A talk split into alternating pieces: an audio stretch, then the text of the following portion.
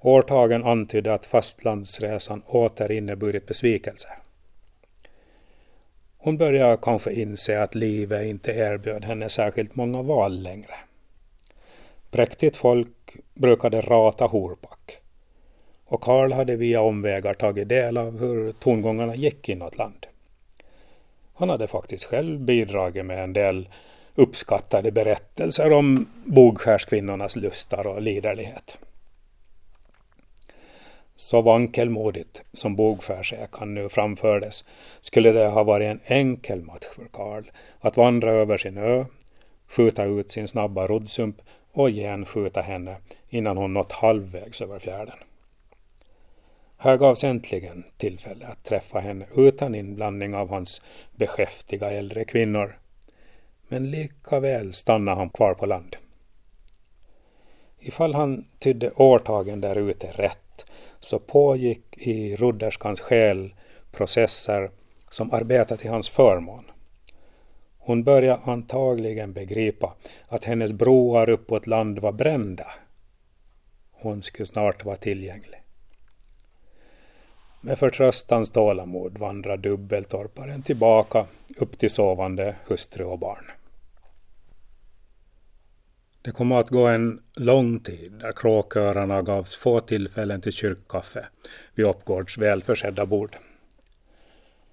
Kaffe dracks förstås var söndag, men Gunnar och Runa valde sig åter sällskap inom sina egna kretsar. Ida och Wilhelm fick nöja sig med surrogatblandning och rågbröd på hemön eller i någon annan enkel torparkoja, inte sällan på någon av grannöarna. Det rörde sig varken om avoghet eller missämja, utan om det enkla faktum att det just inte längre kunde förmedla nyheter av sån kaliber som tillfälligt förmådde justera de sociala skotten mellan bönder och torpare. Bygden hade vant sig vid familjeförhållandena ute på öarna. Vänt sitt intresse från de skamlösa arrangemangen och infört åboarna bland övriga utstötta som Mattas Hulda, blottaren Pitt Nilsson, Fattig-Greta, den finsktalande familjen Kukkuranta, Snille-Sven och många andra. Det utgjorde en grupp som var satt utom kolumn på grund av särdrag i fråga om kroppskonstitution, begåvning, livsstil, tro, språk, moral, ekonomi eller andra vedertagna mallar från vilka man inte borde avvika på ett synligt sätt. Dubbeltorparen med sina bogfärsfnask hade sorterats bort bland tänkare, idioter, boklärda, sjölevnadsfolk, fattiga och andra avvikare som inte just noterades så länge det inte presterar något värt att förfasas över eller skrattas åt. Inte sporde uppgårdarna efter nyheter om Pitt Nilsson heller, så länge han bara knallar på och blottar sig. Runa hade ändå en gång bjudit hem fiskarbröderna Oskar och Julius Silander från Kumlinge, vilka varje höst brukade bo upp till två månader hos Ida och Alina på Bogskär för att få lite mera initierade nyheter från den syndiga ön. Men när inte heller dessa, som nästan tillhörde familjen säsongvis, kunde förmedla annat än fortlöpande förlevnad så gav det knappast valuta för kaffe och bullar. Inte inte hade det heller just reflekterat över sällsamheter i familjelivet på Bogför. Det kände helt enkelt Karl som öns husbonde. Fast han tycktes mycket upptagen även på annat håll. En riktig arbetsmyra och ändå en festlig prick, fast eldfängd i humöret. Brusa upp mot värdinnan ibland, men eh, vilken utarbetad kar kunde inte göra det ibland? Sånt hände ju i de flesta gårdar. Inte ens när Alina åter började blomstra i graviditet räckte detta längre till för att öppna passagen för kråkörarna till Uppgårds sal efter kyrkkaffet. Det tycktes nu bara vara på det viset livet levdes där ute och en viss vardaglighet började ligga över det hela.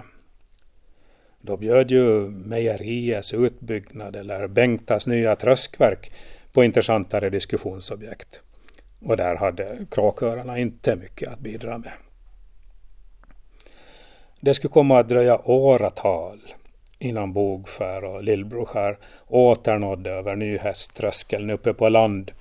Men vid det laget hade öarna avskärmats från omvärlden på sådant sätt att inte heller kråkörarna längre var särskilt initierade. Där sänkte sig som ett mörker eller en dimma över öarna. Och få utanförstående visste mycket om vad som tilldrog sig där ute i töcknet, där Karl Friman och alla hans kvinnor och flickor levde i sitt eget rike. Åren hade börjat hinna ifatt dubbeltorparen. Hans spegelbild började svika honom i prakt, förutom vid de särskilda tillfällen då han gavs möjlighet och skäl att bära sin förnämsta stass, kamma strategiskt sparade hårslingor över tunnare partier på huvudet och gnida in kimrak vid tinningarna. Kläderna skulle gärna väljas så att det skylde vissa brister i ungdomlig mannakraft. Och han tvangs påminna sig om spänst i rörelserna, samtidigt som spänsten tvangs balanseras mot risken av rubbningar i frisyr och kläddetaljer. Kring smärtor i högra knät, ryggen och hemorrojderknölarna fick han lov att bita ihop med ett leende. Leendet måste ändå hållas inom gränserna för luckor och missfärgningar i tandgarnityret. Hans timglas rann obevekligt och livet började brådska. Trots att han hade klättrat väl ifrån drängkamrarnas dunkel och rimmit och hemmets förödmjukande dunster av härsket margarin så stack mindervärdet fortfarande upp sitt fula huvud så fort han stannade upp och han måste vidare, ständigt vidare. Han behövde bättre vinst i sina affärer och han behövde hitta mera lukrativa varor. Visserligen hade han gjort väl ifrån sig på många handelsresor, men hans livsstil därvid var heller inte billig, så nettot blev sällan tillfredsställande. En minnesvärd affärsbragd hade han genomfört den gången han i hamnen i Helsingfors hade sålt ett försvarligt vedparti till självaste Nikolaj Bobrikov och lyckats pressa denne Rysslands generalguvernör över Finland på ett pris högt över gängse taxa. Generalguvernören hade inte snålat med storfurstendömets skattemedel och hans eh, kunskaper om vedpris hade inte varit större än Frimans kunskaper om vem som egentligen hade varit vedtravarnas rättmätiga ägare. Skyndsamt hade han sen seglat ut med präktiga rubelsedlar i västfickan. Senare hade han vid många tillfällen inhöstat stor beundran när han i glada lag hade berättat om transaktionen, ty Bobrikov hade varit illa sedd under ofärdsåren. Herr Friman, det är ett sant nöje att få träffa och göra affärer med en aristokrat här bland alla finska barbarer, brukar han ganska förskönat återge furstens ord. Men detta börjar bli länge sedan och det behövdes hjälp av slumpen för att springa på sådana affärstillfällen. Eller var det mer än slumpen? Tenderade han att förlora den vakenhet och snabbhet som krävdes för att gripa ett plötsligt uppdykande tillfälle i flykten? Hade hans väderkorn och energi mattats började han bli försiktig.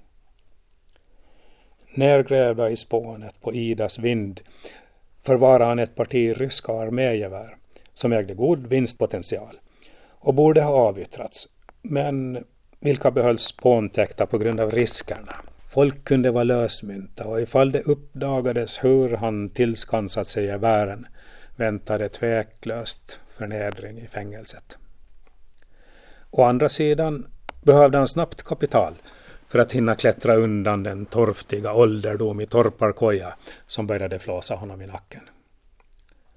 Var sådan försiktighet ålderdomens första svaghetstecken som hindrar honom att undfly ålderdomens förnedring? Ty bristerna i mannakraft och utseende kunde ju mycket långt kompenseras av rikedomens pondus och mångahanda attribut.